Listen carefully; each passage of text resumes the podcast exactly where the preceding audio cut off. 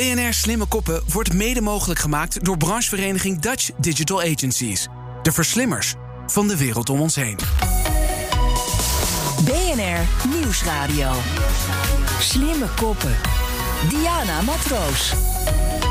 Juist nu, nu de wereld op zijn kop staat, moeten we er alles aan doen om Nederland sterker en innovatiever te maken. En daarom gaan we elke week op zoek naar slimme oplossingen voor grote uitdagingen. Hoe werkt het? Elke week hebben we één uitdager en twee slimme koppen. De uitdager, een autoriteit, legt een belangrijk vraagstuk neer. En de slimme koppen gaan met een pitch de uitdager overtuigen met verrassende en innovatieve oplossingen. En of dat lukt, dat weten we aan het eind. Deze week gaan we onze slimme koppen vragen om na te denken over hoe we in de toekomst slimmer kunnen omgaan met de bestaande infrastructuur. Want door de pandemie is het nu weliswaar rustiger op de weg. Maar als we naar de voorspellingen kijken, het wordt weer super druk op die weg. In 2017 stonden we met z'n allen 63 miljoen uur in de file. In 2023 is dat naar schatting al 85 miljoen uur. Onze uitdager van deze uitzending is Carlo van der Weijer. Hij is directeur Smart Mobility aan de TU Eindhoven. En trouwens ook columnist uh, van het FD en nog zoveel meer. Maar je zit hier met name als directeur van uh, Smart Mobility aan de TU Eindhoven. Uh, door de lockdown zijn de files in Nederland bijna verdampt. blijkt uit een achtergrondrapportage Monitoring Mobiliteit van het ministerie van Infrastructuur en Waterstaat. Is toch lekker, hè? Ja, dat is het stuk van de pandemie wat we, wat we wel gaan missen, denk ik. Ja. Als het daar over is. Ja. Als het over is. Want daar gaan we uh, zeker ook met jou naar kijken. Wat Ja. er straks allemaal gaat gebeuren. Toch nog even naar het nu. Uit data van verkeersapp Flitsmeister blijkt dat we intussen weer evenveel of zelfs meer rijden Ja, klopt. als voor corona. Terwijl het advies natuurlijk nog steeds is thuiswerk. Maar, maar hoe kan dit? Ja, de auto is wel een ideale anderhalve meter modaliteit. Dus je, je, je zit veilig. En je, kunt, je hebt ook altijd kunnen blijven autorijden. Dus die populariteit van die auto is niet minder geworden. En we zijn toch van nature uit geneigd om iets meer dan een uur per dag mobiel te zijn. En eh, ja, dat, dat doen we liefst op zo'n veilige mogelijke manier. Je hebt En dus- niet met dat vreselijke mondkapje. eh, Nee, dat klopt. En, en, maar het is dus zelfs Ja. als je niet hoeft, ehm, of als je niet mobiel hoeft te zijn, zijn we het toch het liefst. Dus dan gaan we toch meer vrije tijdsvervoer en zo. Het is een verschuiving van zakelijk vervoer naar vrije En tijdsvervoer. Dus, pakketjes ophalen zijn we natuurlijk Dat ook heel goed in. Maar die worden ook bezorgd. Dus dat zorgt ook weer allemaal voor allemaal meer kilometers. Ja. kilometers. Ja. En toch zien we de files niet. Nee, dat klopt. Het is, een, het is een verschuiving van zakelijk vervoer naar vrije tijdsvervoer. En ehm, ja, die, die, dat is niet allemaal s morgens om 8 uur en s middags om 5 uur. Dus het is een beetje slimmer gebruik van de eh, aanwezige capaciteit. Wat op zich heel slim is. Ja, dus ik hoor al dat we dat puntje even moeten Ja. eh, vasthouden. Daar komen we ook een beetje bij de uitdaging van deze uitzending. We gaan bespreken hoe we innovatiever gebruik kunnen maken van onze bestaande infrastructuur. En daar ben je heel gepassioneerd over. Ja. Waarom? Ja, eigenlijk wat we nu bewezen hebben, dat we veel beter gebruik kunnen maken van die infrastructuur. En, en als we nu dat slim blijven doen met slimme oplossingen, dat we dat dadelijk ook gewoon blijven doen als dadelijk die pandemie voorbij is. Want je krijgt gegarandeerd weer files. En er werd net al gezegd, tientallen miljoenen eh, uren dat we kwijt zijn in de file. Op zich is dat niet, als je het uitrekent per persoon gemiddeld, is het niet zo heel erg. Maar het stijgt wel, het moet niet veel erger worden. Maar dan kun je twee dingen doen. Of je gaat er slimmer om, of je gaat het klassiek oplossen door weer spoor en asfalt bij te leggen. Want dat Ja. is natuurlijk vaak wel wat er gebeurt. Vanuit de gedachte economische groei eh, moeten we aanjagen. Precies. Investeren in infrastructuur, Ja. meer wegen, bredere meer, wegen. meer bereikbaarheid. En dat is ook klassiek zo dat als je betere bereikbaarheid had, was dat goed voor de economie. Dat is altijd zo geweest, want als je binnen twee kilometer je baan moet vinden, dan heb je weinig keuze. Of je werknemers binnen twee kilometer van je bedrijf. Dus hebben wij eh, tientallen jaren flink geïnvesteerd om dat bereik veel groter te maken. Dat is economisch allemaal goed uit te leggen. Maar op een gegeven moment houdt dat op. En eh, om dan nog weer een baan bij te leggen bij een snelweg, eh, dan gaan mensen nog verder van hun werk afwonen of van hun huis afwerken. En op een gegeven moment is dat economisch niet meer verstandig. Sterker nog, als je uit gaat breiden en dat gaat ten koste van de eh, levenskwaliteit, omdat je natuurgebieden en zo allemaal verrampeneert, dan kan het ook juist beschadigen aan de economie. Dus alsmaar bijbouwen gaat zo. zo Is in ieder geval niet slim. dat is niet slim, nee. Nee. Het gaat ten koste van levenskwaliteit. En dan, dan trekken we ook minder slimme mensen aan enzovoort. Dus het is ook economisch nadelig om bij te Maar, bouwen. maar jij vertelt dit verhaal natuurlijk al een hele tijd. En Ja. eh, je bent echt een grote naam, in, ook in de automotive wereld. Nou ja, je zit nu te kijken. Ja, oké. Ja, nou ja, dat Ja. zeg ik dan. Eh, ik, ik neem aan dat je hier ook op hoog niveau over praat. Waarom Ja. is dat er nog niet doorheen dan? Ja, die, maar die geluiden kwamen wel. Ook bij het Kennisinstituut voor Mobiliteitsonderzoek. Die, die zaten ook kijken van ja, vinden wij die file die vinden wij zo verschrikkelijk erg. Maar als je echt goed kijkt naar de cijfers, is het wel erg genoeg. Dus, dus je, je voelde al dat dat aan het bewegen was. En dat we eigenlijk slimmer met de tijd om zouden kunnen gaan met de capaciteit. Mhm. En nu hebben we in een jaar een enorme snelcursus gehad met thuiswerken en al dat soort zaken. En flexibelere werktijden.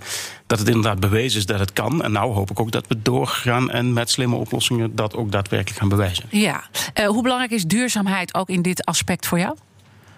Ja, als iets niet duurzaam is, houdt het op een gegeven moment op. Dat is, uh, dus we moeten sowieso richting die duurzaamheid. En uh, ja, wat er wel gebeurt, is wel dat al het vervoer veel duurzamer aan het worden is. We fietsen steeds meer, dat is sowieso de win-win-win uh, modaliteit. automobiliteit wordt ook snel veel duurzamer, zowel veiliger als vooral schoner. Dus uh, ja, daar, daar, moet parallel aan gewerkt worden, maar een beetje slimmer met de infrastructuur aangaan. Vooral geen nieuwe infrastructuur aanleggen, dat is ook duurzaam. Ja, en, en er ligt natuurlijk ook veel geld vanuit het Nationaal Groen, uh, Groeifonds, 20 miljard beschikbaar voor investeringen, ook in de fysieke infrastructuur. Dus laten we dat vooral uh, slim doen. En hopelijk hebben de pitches daar ook goede ideeën bij. Waar ga je op letten straks tijdens de pitches? ik wil graag verrast worden en uh, dat gaat wel gebeuren, denk ik, altijd. Dus, uh, dus ik overschat mezelf zeker niet. Um, ja, het moet, er is heel veel cliché-taal. Uh, en ik achter de heren hier aan tafel daar wel of, iets verder te gaan dan dat. Maar um, ja, ik ga er wel van uit dat de mens per definitie mobiel is. Je kunt niet tegen mensen zeggen: ik breng alles naar je toe en dan hoef jij niet onderweg te gaan. Dat is niet de oplossing, maar uh, ja, daar komen vast uh, slimme dingen op. Nou, ik zou zeggen, wees scherp ook uh, in je reflectie als je gaat reageren op de pitches. hier kwamen ook weer veel inzendingen binnen, maar we hebben uiteindelijk twee slimme koppen uitgekozen die hier hun verhaal mogen pitchen. En de eerste slimme kop, dat is Oscar Kolthoff. Hij is managing director bij Label E of Label A, moet ik zeggen. Mag allebei. Mag allebei. Ja. Uh, jullie zijn een digital product agency en jullie ontwikkelen digitale producten. Veel al in de mobility. Daar ga je straks ook meer af vertellen. Maar ik was gewoon even benieuwd. Met welk vervoersmiddel ben jij eigenlijk gekomen vandaag? Ja, vandaag ben ik toch helaas met mijn eigen auto gekomen. Maar die gaat 1 juni ook de deur uit. Dus, uh, dan oh, de deur uit zelfs? Ja. Oh, je gaat echt uh, over op het deelverhaal? Zeker. Oké, okay, en daar gaat vast jouw pitch ook over. Ik zou zeggen, je hebt één minuut. Heel veel succes. Dankjewel. Nou ja, vanuit hebben we dus heel veel ervaring met het ontwikkelen van uh, deelmobiliteit, zoals Greenwheel, Swapfiets uh, uh, of hele ecosystemen van Check. omdat we dat zien, is dat heel erg gesiloed. Dus je moet voor elke aanbieder moet je een app hebben en een abonnement. En we zijn een partnership aangegaan met Figo. Figo is de pitch. zij bieden deelmobiliteit aan voor uh, zakelijke rijders. Uh, dus ik geloof dat uh, werkgevers ervoor moeten zorgen dat medewerkers deelmobiliteit gaan gebruiken. Je hoeft ze niet per se direct uit de leaseauto te schoppen, maar je moet ze kennis laten maken met deelmobiliteit en op een zo gebruiksvriendelijk mogelijke manier. Um, en dat bieden we aan met Figo. Oké. Uh, dankjewel voor jouw pitch. Keurig binnen de tijd. En uh, we gaan natuurlijk straks wat meer vragen daarover stellen. Hoe die app dan uh, precies in elkaar zit. Maar we gaan eerst naar onze tweede slimme kop. En dat is iemand van ons speciale slimme koppen panel van experts. Dus je bent al vaker bij ons geweest. Boris Veldhuizen van Zanten. Founder en CEO van The Next Web. Um, jullie zijn een media- en techbedrijf. In hoeverre zijn jullie zelf bezig... Uh, ook als werkgever in dit hele mobiliteitsvraagstuk, duurzame mobiliteit? Uh, we hebben altijd wel gestimuleerd om thuis te werken, uh, flexibel te werken, ook eigen tijden te kiezen om naar kantoor te komen. En zelf, ik heb een paar jaar geleden al heel publiek gezegd dat ik binnen Europa niet meer met het vliegtuig ga, maar met de trein. Wat ontzettend lastig is soms, maar ook om, om een beetje een voorbeeld te geven. En ik denk dat dat het is. Ja. Oké, okay, mooi. ook jij gaat één minuut voor ons pitchen. Succes. Ja. Bij innovatie denk je snel aan uh, sneller, goedkoper en meer. Uh, maar soms is innovatie ook puur een verbetering. En ik denk dat met mobiliteit eigenlijk langzamer, duurder en minder een, de juiste innovatie is. Uh, ik denk dat er drie stappen voor nodig zijn: verbetering voor wat goed is, minder aantrekkelijk maken wat slecht is. En dan een gedragsverandering bij bij onszelf eigenlijk. Maar die als laatste. Uh, we zijn gewend aan uh, hypermobiliteit. Uh, wat betekent dat we altijd overal naartoe kunnen en met zo min mogelijk moeite en vertraging. Maar daarbij staan we eigenlijk niet stil bij de gevolgen van ons eigen, voor ons eigen leven, omgeving, gezondheid en toekomst. Um, hoe maak je het nou uh, beter en uh, wat goed is. Uh, nou, natuurlijk alternatieven voor reizen moeten beter. Dus treinen en elektrisch rijden goedkoper, fietspaden veiliger. hoe maak je wat slecht is eigenlijk minder aantrekkelijk? Autorijden, vliegen eerlijker berekend worden. Dus de kosten van de vervuiling zouden meegenomen moeten worden in de kosten van bijvoorbeeld een ticket. En het is eigenlijk op zee dat je bijvoorbeeld CO2-compensatie... dat dat optioneel is voor een klant. En als laatste eigenlijk, en de minst belangrijke vind ik... is bewustwording bij de gebruiker. Het is ontzettend ingewikkeld om als gebruiker zelf te bepalen wat goed is... en om iedere keer die actie te nemen om, om iets goeds te doen... als je ook een goedkoop ticket kan uh, kopen. Uh, maar daar gaat wel heel veel van de aandacht naartoe. En dat vind ik eigenlijk jammer. Goed, drie punten die je daarbij hebt uh, gemaakt. En uh, Carlo, je hebt natuurlijk uh, goed meegeluisterd. Je bent onze uitdager. Carlo van der Weijen, directeur Smart Mobility aan de TU Eindhoven. Wat viel jou op? Um, dat, dat ze het allebei bij het rechte eind hebben. Maar wel dat ik nog steeds even zoek van hoe dan bij hm. allebei. Dus dit is, we, zitten in ieder geval helemaal op één lijn met, met, waarom het allemaal nodig is. Dus ik ben het er helemaal mee eens. Maar je bent nog niet verrast? Nou, ik ben, ik ben ook benieuwd wat dan het, het, het uh, innovatieve idee is om daar naartoe te gaan. Dus, okay. uh, want Zullen we beginnen... Dat laatste, om alles eerlijk te beprijzen, vind ja. ik een heel erg goede. Maar dat, dat, er wordt lang mee geworsteld van hoe we dat in de praktijk gaan brengen. Dus uh, als we daar heel mooie ideeën kunnen ontwikkelen, zou ik er blij mee zijn. En hetzelfde is met deelmobiliteit. Ook, dat is inderdaad precies wat gezegd wordt. Het is altijd een drempel om dat allemaal toegankelijk te maken. Maar uh, ja, hoe gaan we dat doen ten opzichte van die 50 die ermee bezig zijn? Zullen we beginnen uh, met uh, jouw app, Oscar, om daar toch nog iets meer toelichting bij te geven en ook even te reflecteren op wat Carlo net vraagt? Ja, nou ja, ik, ik, ik begrijp heel goed wat je zegt. En het, uiteindelijk is het ook echt een mindsetverandering van de gebruikers om in die deelmobiliteit te gaan gebruiken. Wat wij zien bij de werkgevers die op dit moment Figo gebruiken, daar zie je dat de werknemers uh, ook uh, privé gaan rijden. Dus wij bieden de optie om op het moment dat je gaat boeken, het uh, op zakelijk boekt of privé boekt. En doordat werkgevers het aanbieden aan al hun medewerkers, ook al hebben ze al een leaseauto, komen ze in aanraking met deelmobiliteit. En wij zien dus al gewoon vanuit onze eigen data dat op het moment dat je het aanbiedt, dat mensen het dus ook voor privédoeleinden gaan gebruiken. En wat, we, wat wij veel krijgen als vraag is: ja, uiteindelijk willen we als werkgever van die lease float af. We, zijn, we hebben gewoon veel te veel leaseauto's en mhm. ook vanuit duurzaamheidsperspectief. Nou, door ze soort van soft uh, met Vigo uh, kennis te laten maken, dus ook gewoon de verstokte lease-rijder al de uh, optie te geven om deelmobiliteit te gaan gebruiken. Breng je eigenlijk iets in het gedrag? Breng je al iets in het gedrag? Oké, okay. en, en dan uh, um, heb ik daar straks nog wel een, een, een, vraag over, ook in kritische zin. Want de vraag is natuurlijk, en daar weet jij ook het een en ander van, uh, gaan deelconcepten echt helpen dat we minder op de, op de weg zijn? Ja. Maar, maar toch nog even vanuit die app uh, doorgedacht. Is het dan zo dat je heel veel aanbieders bij elkaar brengt? Want ik ja. zit even te zoeken ja, wat dat, nou het uniek is aan jouw verhaal. Ja, goed, dat is een vraag die aan. Wat wij doen is niet nieuwe deelmobiliteit aanbieden, maar juist het aggregeren van verschillende aanbieders. Dus een Greenwheels, een MyWheels als automobiliteit zit in de app, uh, een Felix en een Check uh, als uh, deelscooters. En die kun je allemaal vanuit Vigo-app gebruiken. Dus we, het, het, het, aanbod is ook veel groter dan wanneer je een enkele app gebruikt. En wat voor de aanbieders interessant is om erin te zitten, is omdat zij zien dat privé veel gebruikt wordt. Dus pieken in het, in het weekend. Maar door de week is, het, is er een aanbod overschot. En doordat wij het juist voor op de zakelijke uh, uh, gebruiker mm -hmm. enten, is het voor hun ook een win-win. Uh, ik zie jou denken, Carlo. Nee, ik vind, dit wel een goed punt. Want het is inderdaad, vaak is het zakelijk veel makkelijker te verkopen omdat de business case veel sneller sluit. Dus dit soort contracten van deelmobiliteit gaan vaak zakelijk succesvoller dan dat mensen. Ja, kijk, één of twee van die, van die apps die gebruiken ze wel privé, maar nooit dat hele uh, palet. En als je het op dit manier doet, dat je inderdaad die drempel verlaagt van zakelijk naar vrije tijd, dat, is, dat, is, dat, dat, dat slaat kunnen, wel aan. Dat, dat zou, zou kunnen helpen. helpen. Zou jij daar als werkgever, uh, Boris, uh, gevoelig voor zijn? Ja, ik denk het wel. Om in ja. zoiets te stappen? Ja, ja, vooral omdat het een laagdrempelige manier is om mensen te stimuleren om, om, uh, ja, om, om het beter te doen. En, en dat het ook nog effect heeft op privé zonder dat je daar ingrijpt, wat altijd gevoelig ligt Mhm. als werkgever, eh, denk ik dat een hele goede eerste stap zou zijn. Ja. Ja. Ja, en wat maar ik goed, het is wel mijn punt drie pas. Ja. Hè? Dus ik denk dat eerst eh, andere dingen aangepast moeten worden. Ja, wat ik wel Alles interessant vind over, zeg maar, wat wij dus ook zien, en dat is ook uit onderzoeken gebleken, is dat op het moment dat mensen alleen maar deelmobiliteit gebruik, eh, van deelmobiliteit gebruik maken, dat ze veel bewuster zijn van wat gebruik je wanneer. En daardoor ook minder kilometers maken. Dus op het moment dat er altijd maar een auto voor de deur staat, kan je die makkelijk pakken. eh, met een Oké. hond naar het bos dat soort dingen. Vanuit onderzoek blijkt dat met Maar, maar Carlo van der Wij, is dat zo? Dus, dat is wel iets, want kijk, als die auto voor de deur staat, dat, dat, dat is niet voor niks dat mensen daar gelukkig van worden. Hè? Dat, ik- dat, dat beantwoordt aan je,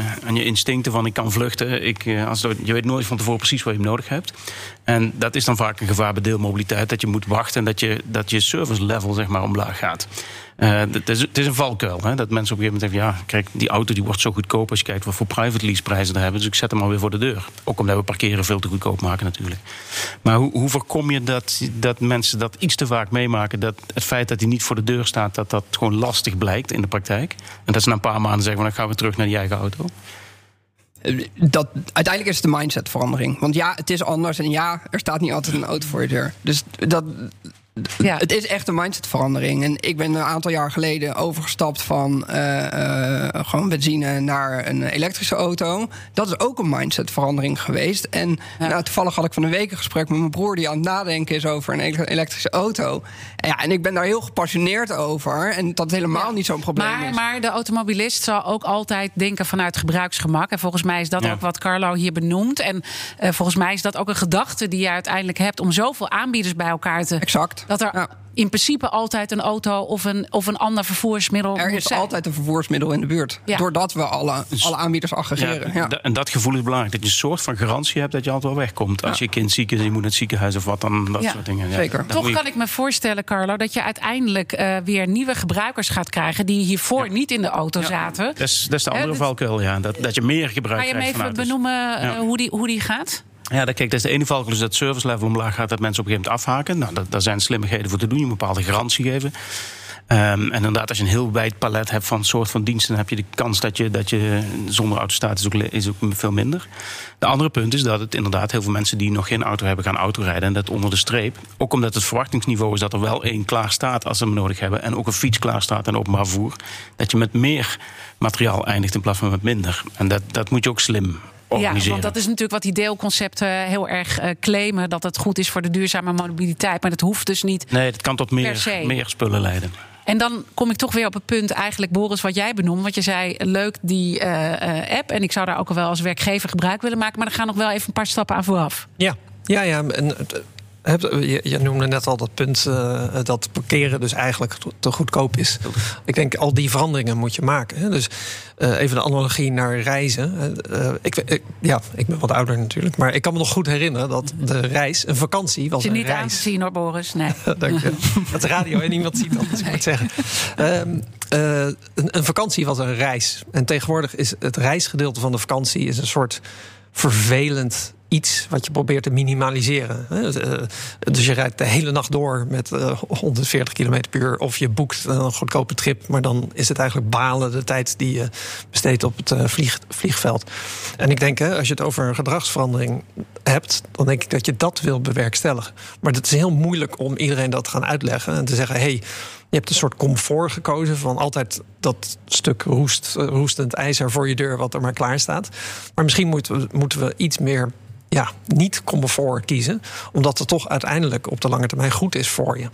Maar iedereen in Nederland of de wereld dat één voor één gaan uitleggen, dat, gaat gewoon niet lukken. En dat is weer terug naar de CO2-bijdrage in een vliegtuig.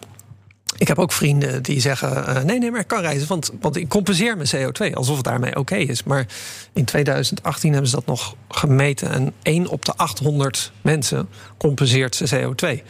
Met andere woorden, ja, dan kun je dus echt, of je het nou compenseert of niet, maakt dus echt helemaal niks uit. Want je bent gewoon met, met dat hele vliegtuig enorm aan het vervuilen. En dus zeg jij? De conclusie is: je kunt niet wachten totdat die 1 op de 800 heel langzaam toeneemt naar 800 van de 800. Want dat gaat dan nog 30 jaar duren. Als het überhaupt ooit lukt. Want sommige mensen willen gewoon zo min mogelijk betalen. Dus als je dat eerlijk zou doen, dan zou je gewoon zeggen: de vervuiler betaalt. En waarom is dat niet überhaupt verplicht? Dus als, als ik eh, een boot zou boeken om eh, te gaan snorkelen bij het koraalrif.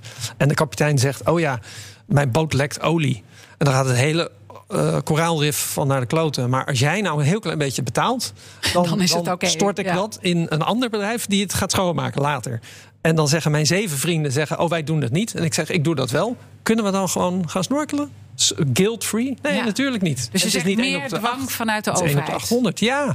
Dus hè, waarom is het gesprek niet met die kapitein van dat schip en zegt: waarom lek jij überhaupt olie? Ja, is dit toch de enige weg uiteindelijk, eh Carlo, daar om echt ik- grote stappen te zetten? Daar ben ik het wel mee eens. Je, je zou, kijk, als de vervuiler betaalt, zou het een eerlijk principe zijn. Het is bij vliegen heel lastig, omdat er ooit een afspraak is geweest om dat juist niet te doen omdat het eh, heel veel aan de wereldvrede bijdraagt. Daar komt het een klein beetje op neer. Dus dat hebben ze ooit afgesproken, dat, die hoeven dat niet.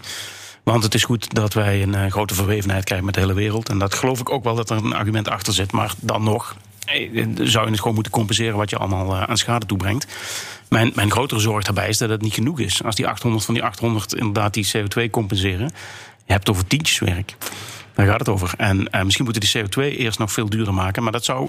Kijk, je zou eerst moeten beslissen om dat gewoon te moeten compenseren wereldwijd. En dan daarnaast ook zorgen dat die CO2-prijs ook gewoon een eerlijke prijs wordt. Want die zit nu op 24 euro of zo. Hij stijgt trouwens. Gisteren was hij voor het eerst boven de 50. Er is ook een wereldhandel in CO2.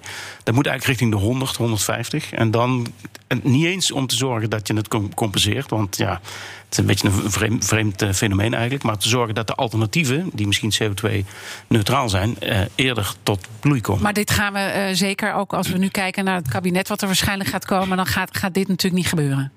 Of, of, of, of proef jij wel dat die grote stappen nu gezet gaan worden Die- met de die CO2 VVD als grootste partij, de, CO2 Vroom Vroom partij? Ja, de CO2-tax als, als, als land die 1% van het wereld, wereldwijde B- BDP doet, dat. dat Ja. Ja, maar je moet ergens dan heb je heel- beginnen. Dan heb je heel veel regeringen nodig, dus dan pak je er een paar bij elkaar. Ja, nee, maar je, moet op- ergens beginnen. Ja, dus ik vind wel dat je dat gewoon moet doen. En dat Ja. stimuleert ook. Hè? Het Maar is net zoiets, ik in mijn eentje zonnecellen op het dak leggen. Ja, dat gaat ook niet helpen. Nee, klopt. Maar het, het stimuleert. Eigenlijk, eigenlijk zouden die, die alternatieve brandstoffen die, die we vroeg of laat toch een keer gaan krijgen in de luchtvaart, Mhm. eh, kunnen stimuleren door zo'n CO2-tax snel te verhogen. Dat mag je best als land doen. Maar dat zie ik inderdaad in Nederland nog even niet gebeuren. Nee, maar het zou moeten. Hè? Ja. En eigenlijk is dat het gesprek wat we zouden moeten hebben. Dat, wa- waarom zeggen wij niet hier tegen elkaar?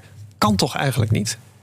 Zo, wat we zeggen is, gaat niet lukken. Maar da, Ja. da- daar kom ik eigenlijk mee, mee op jouw, jouw idee, die allemaal eh, helemaal waar zijn. Daar zijn we het helemaal over eens. Maar wat kunnen we nu doen aan innovatiefs om die kans dat ze dat gaan doen iets te vergroten? Laten we dat eens over hebben. Nou, ik daar heb je ben dus bang bij. dat de innovativiteit gaat bestaan uit ruiten ingooien, en brandstichten en, en drastische maatregelen. Maar Vergt het consuminderen van de consument? Want Nee, dat heb, want heb dat ik is- nog nooit echt succesvol zien zijn. Nee, namelijk. nee, nee, ik denk eh, dus, dus druk vanuit de consument op, op regeringen, op de politiek, om dit te veranderen. En, en, en dat begint dus met dat we het hierover hebben in deze uitzending en dat mensen dat begrijpen. En dus ik, eh, op kantoor zei ik tegen mijn collega's: eh, neem de trein naar Engeland. En dan zeggen ze: nee, dat duurt veel te lang. Want vliegen is een uur en de trein is eh, vier uur. Dan zeg ik: ja, ja, maar met Schiphol en inchecken, alles, is het tijdsverschil op de hele trip is eigenlijk maar een uur verschil. Dus het is een uur korter, deur tot deur, eh, naar onze bestemming in Londen. En dan het volgende argument is dat ze zeggen: ja, maar de trein is duurder. Dan zeg ik: nou nee. Ja. dat lijkt zo, want inderdaad, een ticket is eh, 200 euro eh, met de trein en, en 60 euro met het eh, vliegtuig. Dan zeg ik maar, met het vliegtuig betaal je eigenlijk veel meer op de lange termijn. Eigenlijk jouw kinderen betalen met hun leven. Dus, dus, Dus je ziet hoe ingewikkeld dit eh, gesprek eh, gaat. En ik stel voor dat we hier in de podcast over verder praten. Want het is natuurlijk een complex onderwerp. En dat kunnen we niet in eh, de tijd die we hier hebben op de radio helemaal eh, afronden. Ik wil je in ieder geval hier op de radio alvast eh, bedanken. Carlo van der Weijer, directeur Smart Mobility aan de TU Eindhoven. En de slimme koppen van vandaag. Oscar Koolthof, managing director van Label E. En Boris Veldhuizen van Zanten, founder en CEO van The Next Web. Eh, dit was dus BNR Slimme Koppen op de radio. Maar luister in de podcast vooral nog even verder. Slimme koppen. Even napraten. En we zijn nu intussen in de podcast, want we waren net op het punt gekomen dat je zei. Als werkgever dus ook, eh, Boris, moet je eh, elke keer je mensen uitdagen, want ze gaan elke keer weer iets verzinnen. waardoor het eigenlijk niet kan. En dat is eigenlijk wat, wat wij hier in reactie misschien ook wel deden. Ja, absoluut. Ja, en ik denk uh, dit, dat gesprek, het, het, lijkt heel normaal om. Ik heb vrienden die nemen een vliegtuig naar Bali en gaan ze daar op het strand zitten nadenken over hoe ze iets kunnen betekenen in de wereld. En dan zeg ik, over 60 jaar bestaat Bali niet meer. Want dan is het gezonken omdat jij vliegt naar Bali... om daar te gaan zitten nadenken op het strand... hoe je iets kan bijdragen aan de wereld. Dat is eigenlijk obscene. Ja. En, en dat gesprek moet je hebben. En zouden we allemaal meer moeten hebben. Oscar, ja. deel je dit? Want nou ja, 100, 100 procent. Ik, ik, ik, zit te luisteren en ik zit hier vooral natuurlijk vanuit het, uh, zeg maar, mobiliteitsaspect. Maar dit is iets wat mijzelf ook heel erg aangaat. Um, uh, of ja, hoe ik ook mijn leven in, inricht. En het, wat met Vigo proberen te doen, is gewoon een klein stapje. Uh, ook nou ja, wel gelijk massa proberen te bereiken. Om het vanuit de werkgevers, die hopelijk allemaal zo denken zoals jij en ik, uh, Boris. Om hun medewerkers te enthousiasmeren om in ieder geval deelmobiliteit te gaan gebruiken. Maar wat je, wat je zegt, ben ik het helemaal mee eens. Je moet gewoon, ja, uh, de vervuiler moet betalen. Je moet minder vliegen. Maar dat, ook dat is een mindsetverandering. En ja persoonlijk vind ik het heel moeilijk om uh, de politiek te bewerkstelligen om, om, om dit soort stappen te nemen. En daarmee kan je je stem uh, uit uh, hebben we pas mogen doen. Maar, maar, maar, zou je eigenlijk moeten vaststellen dat je gewoon. Hè, want je, jij hebt een technologische oplossing. Hè, en, en, en Boris, jij komt ook vanuit de technologische hoek. Dat je een heleboel leuke technologische oplossingen uh, kan bedenken. Maar als die dwang er uiteindelijk niet komt. gaan mensen het uiteindelijk niet doen. ondanks de goede bedoelingen van al die technologie. Nou ja, de, de, nou ja, de gebruikerservaring moet sowieso seamless zijn. Die, die moet gewoon super goed zijn. Want het, uiteindelijk is technologie altijd een alternatief voor iets wat al bestaat en van een bepaalde gewenning. Dus een patroon doorbreken, dan moet je wel iets zo unieks neerzetten, waardoor, of in ieder geval, het, gebruikersgemak moet zo fijn zijn. Um, uh, en daar valt nog een wereld te winnen? Ja, daar is heel veel te winnen. Daar zijn we dag in dag uit mee bezig. Ja, ja. ja. We, we, raken de essentie eigenlijk met het feit, met beide oplossingen, dat je, uh, hoe, ga je consuminderen, want dat, daar zou het eigenlijk op neerkomen. Mhm. Hoe, hoe, ga je een alternatief maken voor consuminderen? Ik heb daar lang over nagedacht. Ik, ik ben wat pessimistisch geworden over het echte consuminderen. Van, bovendien, het motiveert mij ook niet, want als we allemaal 30% minder doen, ja, dan duurt het gewoon een tijdje langer voordat we allemaal naar de, naar de vliegtuigen gaan.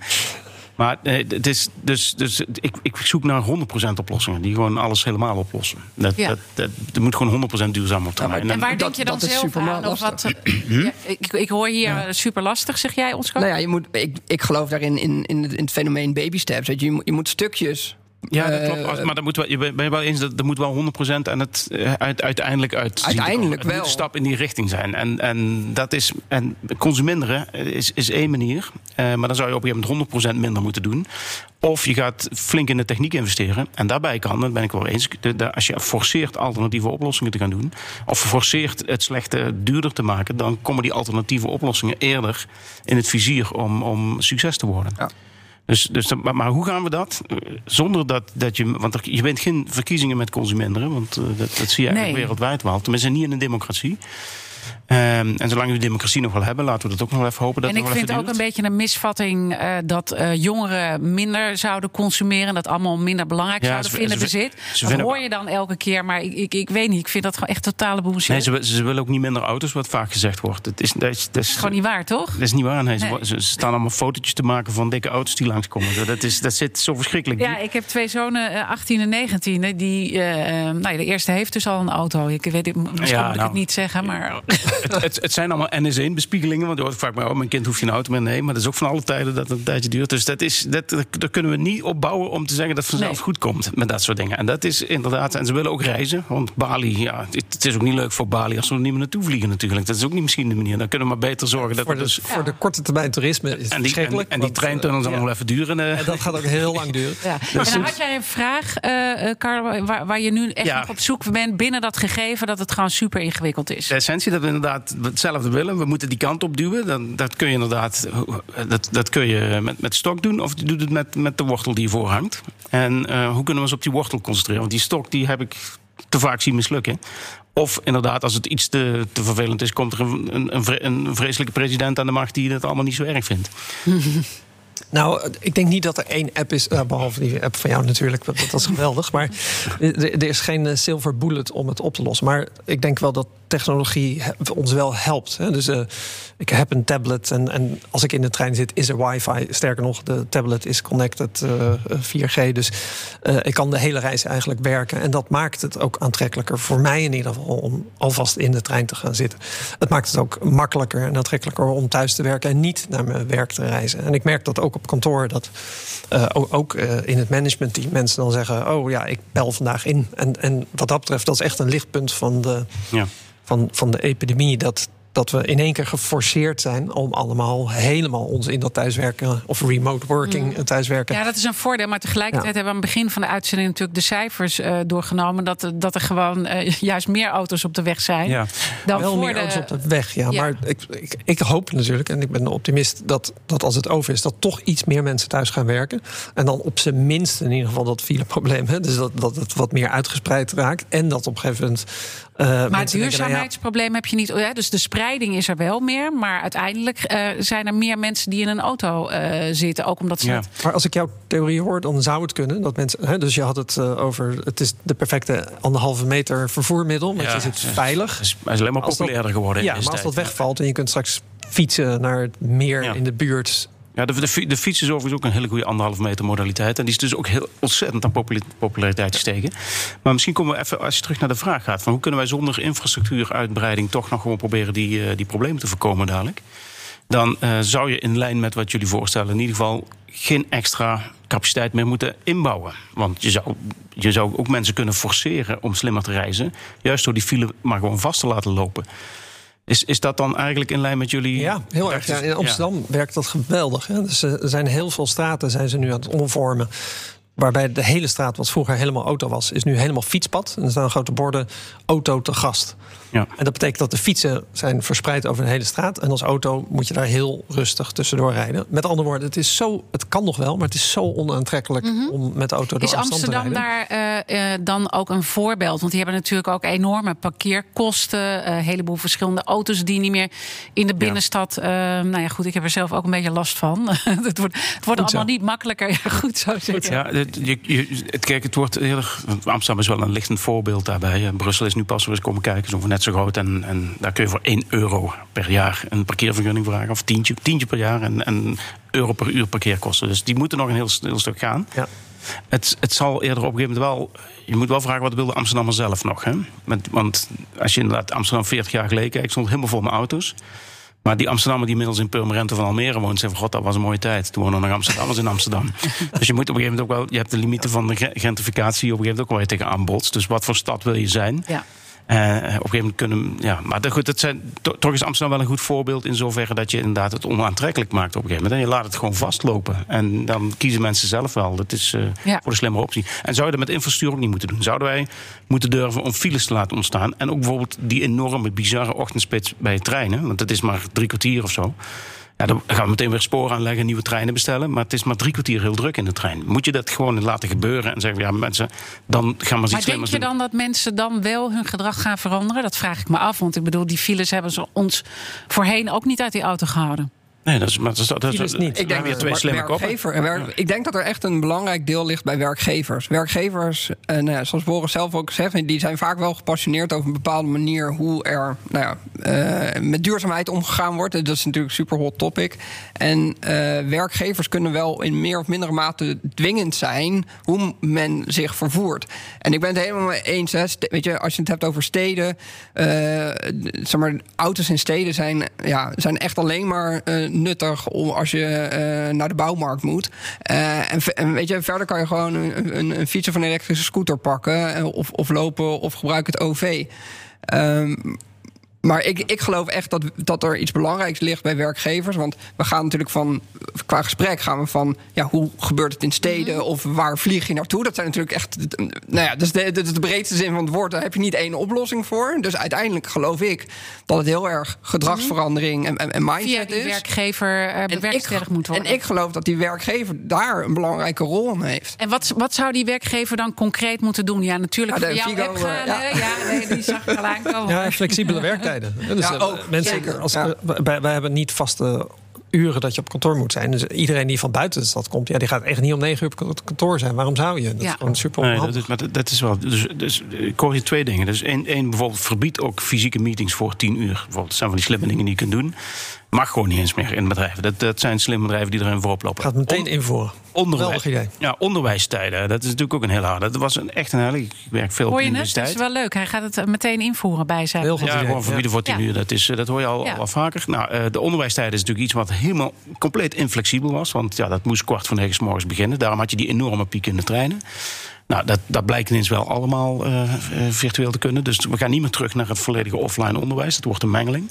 En laten we dan in ieder geval die, die, die ochtendspits van de treinen daarmee aanpakken. Het andere punt wat, je, wat, wat ook belangrijk is, wat ik hoor, wat, wat, wat als je die drempel verlaagt van zakelijk naar vrije tijdsvoer, is dat je alles eens gaat proberen. Ik heb mezelf, omdat ik in de mobiliteit zit, ook moeten forceren een elektrische auto te kopen acht jaar geleden. Want ik denk dat wordt helemaal niks. Nou, op een gegeven moment begrijp je dat het heel anders is wat je van tevoren verwacht. Hetzelfde geldt met elektrische fietsen, met deelscooters. Die drempel is wat hoger. Als je die weet te verlagen, dan, dan is het niet omdat mensen per se moeten consumeren. Maar dat is omdat ze iets proberen wat eigenlijk blijkt veel beter te werken. En daardoor gaan gebruiken. Dus dat, dat vind ik wel aantrekkelijk in jouw idee. Om de drempel te verlagen tussen zakelijk. Omdat mensen het meer gaan proberen. En, dan, en dus ook eh, wat, wat Oscar zegt, dan via die werkgever dat te stimuleren. Want dat, dat moet het vertrekpunt zijn. Ja, dat klopt. En dat is in combinatie met de werkgever waar een rol ligt om inderdaad eh, dat soort bizarre meetings die zeker om negen uur moeten beginnen. Ook, ook heb je met agile development heb je wel dat je een scrum moet doen in de ochtend. Ja, die kan best halverwege de dag. En dat je dan. Dus dat zijn allemaal van die kleine dingen, die, die, die heilige huisjes die inmiddels wel afgebroken zijn. Dat is een kruiwagen met smoesjes weg sinds, Ja. eh, sinds de pandemie. Die we nou wel slim moeten oppakken. En daar helpen jullie tooling denk ik wel mee. Alleen, Ik weet nog niet wat voor tooling jij hebt om precies dat.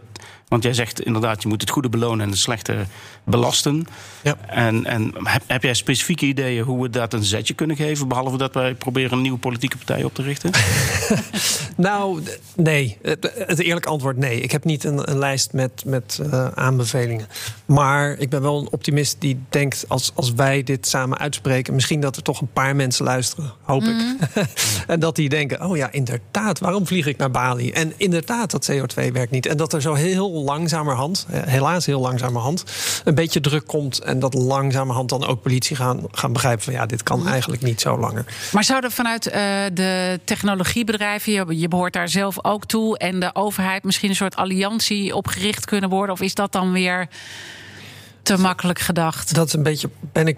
Dan komen de politie altijd terug met er is te weinig draagvlak voor. ja, ja, ja. ja. En dat we draagvlak, weer. dat komt van onderop. hè. Als wij tegen elkaar al zeggen... hé, hey, ja, maar dit kan toch eigenlijk niet.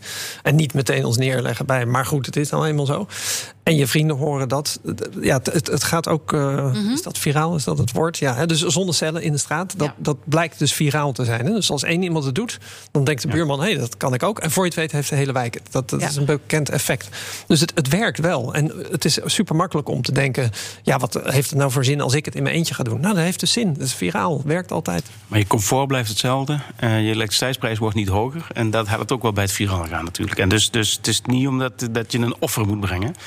Want ja, daar, daar acht ik de mens niet zo goed toe in staat. Dat eh, denk ik ook. Dat, denk, die- ik, en- dat en denk ik ook. dus en laten we dan vragen- toch nog eventjes Ja. eh, ehm, iets verder denken. Want je zegt, kunnen we nog meer dingen bedenken... die we dan wel kunnen verbeteren... waardoor Ja. het meer eh, gaat vliegen? We hebben een aantal dingen al gehoord. Ik denk dat twee dingen nog belangrijk zijn. Die fietspaden werd he- heel kort aangestipt... maar er zit volgens mij wel een belangrijk winpunt... waar jij ook wel zorgen over maakt. Er zijn meer gaan fietsen, Ja. maar dat is niet per se eh, veiliger. En misschien zouden we daar wel moeten investeren in infrastructuur... door meer aan te leggen. Ja, dat is een hele goede. Ja, dat is inderdaad, als er, als er een infrastructuur is achtergebleven, is het wel van de fietspaden. Want we zijn, we zijn, vooral ouderen zijn zes keer meer gaan fietsen vanwege die elektrische fiets. Vijf tot zes keer meer kilometers. Drieënhalf keer meer ongevallen. Dus ja, natuurlijk, omdat ze ook meer fietsen. Maar het is dus eigenlijk per kilometer veiliger geworden. Iedereen geeft die elektrische fiets maar de schuld. Dat is ook indirect zo, omdat ze daardoor meer zijn gaan fietsen en daardoor meer ongevallen maken. Maar het is een stabielere fiets voor ouderen, dus ze vallen juist minder. Maar omdat ze meer fietsen, wat een groot goed is voor hun gezondheid ook, en dat moeten we ook zeker koesteren. eh, moeten we ook zorgen dat er meer ruimte is voor. met, als, je, kijk, het minste geringstel, als er een file staat, gaan we meteen. eh kijk naar de Amelisweert. Gaan we anderhalf miljard in Amelisweert voor, voor een. Het is echt een bizar project. Nou, als je die anderhalf miljard in fietspaden zou stoppen, dan zou je veel meer levens. En, en dat is het grote duurzaamheidsprobleem, want we hebben het wel over milieu en de CO2 is allemaal belangrijk. Die veiligheid is veel belangrijker. De maatschappelijke kosten ervan en de emotionele eh, schade die we daarmee doen. Dus laten we daar volop inzetten. En dus als je een infrastructuur inzet, maak het, en dat zei eigenlijk ook niet meer, meer, meer en sneller, maar beter en veiliger dat is, dat is aan alle kanten veel beter. Dus, ja, dus die infrastructuurverandering is in mijn optiek heel erg belangrijk in, in steden. Dus uh, minder plek voor auto's, meer plek voor fietsers en, uh, en groen en, uh, en, en, elektrische scooters. Ja. Um, en en nou ja, daar, daar is al wel een beweging in. En dat mag sneller, maar dat, dat ligt uiteindelijk bij de politiek. Ja, en dan, dan, dan zijn we toch weer terug uh, bij die politiek en die overheid die de regie uh, moet nemen. Maar toch nog even een punt uh, wat jullie misschien wel kunnen bewerkstelligen. Ook vanuit de technologie, dat gebruiksgemak. wat jij ook al een paar keer benoemde, Oscar. Wat, wat natuurlijk in die app van jullie, dat gebruiksgemak zorgt ervoor dat mensen ook massaler dingen gaan gebruiken. Dat ja. heb je ook natuurlijk bij Green Wheels gezien. Toen dat gewoon allemaal wat effectiever en, en, en vriendelijker ging. Ja, we, we, we, we, hadden op, we hadden vijf jaar geleden de opdracht gekregen van Greenwheels. Mensen moeten binnen drie minuten uh, kunnen aanmelden, door het hele registratieproces heen gegaan zijn en uh, in die auto stappen. En dat was, daarvoor was dat een uh, proces van een week. Kijk, dus dat is al waardoor iets dan uh, uh, uiteindelijk uh, opgepikt wordt. En dat zou dat even die gedachte van jou willen combineren met de gedachte die jij hebt neergelegd, Boris. Namelijk dat je uiteindelijk ook voor moet zorgen dat dat reizen gewoon ook leuker wordt. Want we, we zeuren nu over dat reizen. Het allemaal, we staan in de file. De, of we zitten in een trein als sardientjes uh, opgepropt uh, op elkaar. Nou ja, nu kan dat al helemaal niet meer. Hoe, hoe, zouden we die twee met elkaar kunnen combineren om daar ook nog iets in te innoveren? Of zijn onze gedachten op? Dat mag ook. Nee, het is een mooie vraag. Het is een mooie vraag. Maar ik denk technologie ik kom uit de technologie, dus ik wil heel graag de oplossing voor alles eh, leveren. Maar ik ben toch bang dat dat niet altijd het geval is. En, en, maar de romantiek van het reizen, ja, maar ook dat is veel meer een mindset. Hè? Dus het is super aantrekkelijk voor mij om in de zomervakantie een vlucht te nemen naar Italië, naar drie weken in een hotel te gaan zitten. Maar het is eigenlijk natuurlijk een interessante ervaring om met de trein er een week over te doen om naar Frankrijk en daar dan een auto en dan nog twee dagen te rijden en dan misschien te gaan wandelen in de bergen en dan misschien ook nog wel te slapen in het hotel dat zijn toch uiteindelijk de ervaringen waar je op terugkijkt. Eigenlijk moeten we veel meer een journey-app gaan. Uh, dus dat je, ja, ja. Licht, ja, ja nou, ik, ik, ik, denk maar veel erover praten. Dat, dat lijkt me toch beter. Dus mensen, want eigenlijk de meeste mensen, als je, als je dit zegt, die denken dan... ja, ja dat is inderdaad wel waar. Ja. Nu, nu ik er zo over nadenk, is, is, zijn de reizen zijn meestal de dingen die je herinnert. Ja, een week lang een boek lezen in een strandstoel is ook echt superleuk natuurlijk. Ja. Maar ja, dat is niet speciaal. Dat zijn niet de herinneringen. Nee.